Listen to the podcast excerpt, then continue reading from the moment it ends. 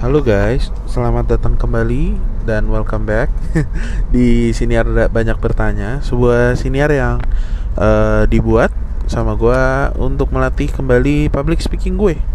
Karena menurut gue radio itu termasuk uh, tempat latihan public speaking yang terbaik.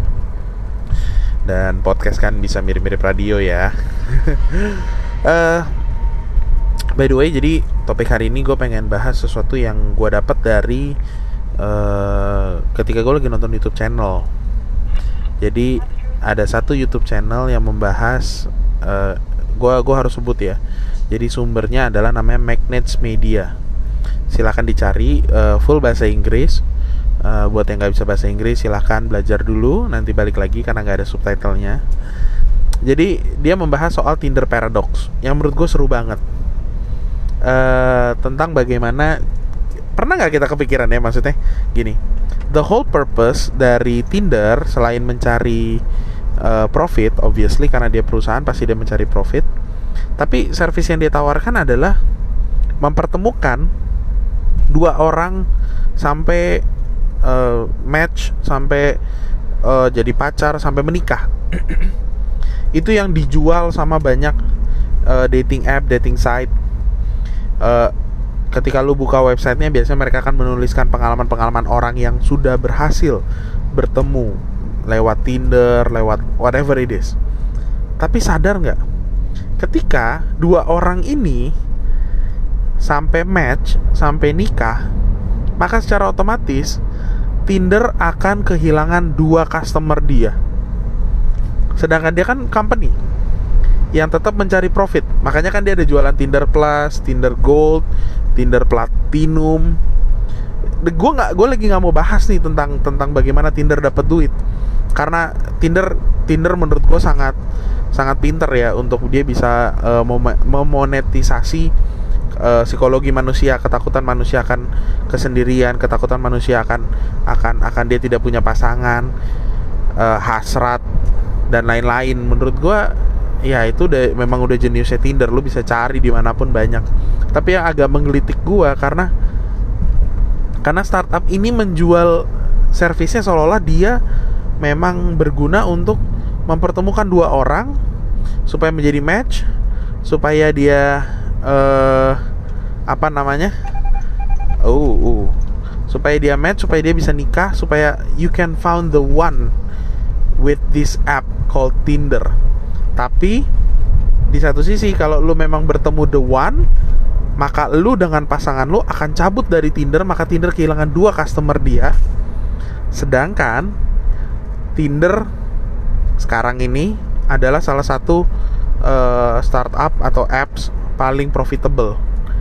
Dan gue yakin mereka mau mempertahankan posisi itu. Artinya mereka nggak mau uh, kehilangan customer walau satu pun. Ini yang dibahas sama Magnets Media. Jadi kalau lo mau tahu tentang uh, detailnya tentang bagaimana Tinder kemudian uh, mengakali tanda kutip supaya customernya jadi susah ketemu klien. By the way dijelaskan di di Magnets Media gue juga kaget. Uh, dia ngejelasinnya bahwa Tinder itu bahkan punya tim R&D yang bisa tahu karena karena mereka mempelajari perilaku manusia kan human behavior. Terus kayak mereka bisa tahu kapan uh, user akan tertarik untuk menguninstall Tinder. Karena jarang dapat match. Nanti di sana mereka bisa bisa berikan lagi uh, suntikan dopamin dengan lu match dengan banyak orang dan sebagainya. Gila gue bilang itu sih pro mantap sekali. Uh, tapi Tinder Paradox ini yang yang membuat gue kemudian berpikir ada nggak ya aplikasi atau startup lain yang yang sama kasusnya. Karena servis yang dia tawarkan kemudian e, bertentangan dengan cara dia menghasilkan uang. Gue ambil contoh misalkan yang sepengetahuan gue e, yang muncul di otak gue karena gue di orang medis maka startup startup medis. Lu sadar nggak start kalau lu lagi mencari artikel kesehatan rata-rata yang muncul adalah startup medis entah si merah, si biru, si orange, uh, macam-macam. Ada banyak warnanya, warna-warni sekali. uh, yang mereka jual keuntungan mereka kan bukan dari artikelnya anggaplah mereka bisa menjual artikel ini kepada advertiser untuk orang bisa beriklan di situ tapi setahu gua bukan itu utamanya utamanya adalah mereka menjual konsultasi online mereka menjual uh, fee. Jadi kayak uh, sorry menjual fee itu gimana? Maksud gua lo daftar lo registrasi ke rumah sakit dibantu oleh aplikasi ini aplikasi ini akan terima dana. Kalau lu nggak nggak ngerasa bayar percayalah rumah sakit bayar. Kan gue di rumah sakit jadi gue tau rumah sakit bayar entah ke si biru si merah si orange si hijau kita bayar sekian persen atau sekian numbers sekian value bahwa nih buat lu terima kasih sudah membawa pasien ini ke rumah sakit gua jadi uh, bisnis modelnya seperti itu tuh revenue streamnya dari sana dari konsultasi online dari jualan obat online dari registrasi pasien. Tapi dia memberikan artikel kesehatan yang seolah-olah supaya lu hidup sehat dan lu nggak pernah konsultasi. Kebayang nggak? Menurut lu gimana? Kemudian kan jadi berpikir, apakah yang paling gampang nih? Ini otak otak busuk gua yang paling gampang. Otak busuk gua yang paling gampang. Apa jangan-jangan artikel kesehatannya kemudian dipakai untuk tanda kutip menakut-nakuti supaya pasiennya atau calon pasiennya jadi mau daftar? Bisa? Bisa. Bisa jadi. Kenapa enggak bisa nggak rumah sakit kemudian juga melakukan hal yang sama melalui sosial media mereka? Mungkin bisa jadi. Tapi bedanya yang harus diingat ada dua hal. Satu rumah sakit itu tidak pernah betul-betul uh, dapat keuntungan besar dari rawat jalan. Itu yang itu yang orang mesti paham. Uh, lu datang konsultasi ke poliklinik itu duitnya nggak seberapa dibandingkan kalau lu rawat inap. Rawat inap itu sudah ada buktinya. Nggak ada orang masuk rawat inap dalam kondisi yang tanda kutip aman atau sehat. Nggak ada dong. Uh, orang masuk rawat inap tuh pasti memang kondisinya sudah butuh dirawat inap perlu di opnam nggak artinya kalau kita tanda kutip mau menakut-nakutin juga nggak ngefek-ngefek banget kalau untuk rumah sakit ya tapi beda karena kalau yang si startup ini modelnya adalah konsultasi online. Jadi menakut-nakutin bisa saja berdampak. Gitu. Uh, by the way iya ya gue baru sadar. Udah pada tahu belum ya bahwa rumah sakit itu sama sekali bukan sama sekali ya. Duit di poliklinik itu nggak ada artinya. Bukan nggak ada artinya gimana ya? E, kecil lah kecil. Apalagi kalau bicara BPJS e, bener-bener BEP lah. Karena anggap dari satu spesialis kita untung dari spesialis sebelahnya kita boncos. Jadi kita e, apa subsidi silang. Ya kalaupun ada di tipis-tipis. Tapi kalau dari rawat inap dari tindakan yang ada bedahnya di situlah rumah sakit dapat duit. Karena kan jelas ada sewa kamar ada apa. Tuh baru baru ada duitnya. Eh jadi gue jadi jadi penasaran ya siapa tahu pada tiba-tiba ada yang kepikiran ada apa lagi sih startup atau perusahaan yang modelnya kayak gini nih? E, membuat seolah-olah orang pengen sehat misalkan. Tapi dapat duitnya dari kalau orang sakit. Oh by the way dan satu lagi ya.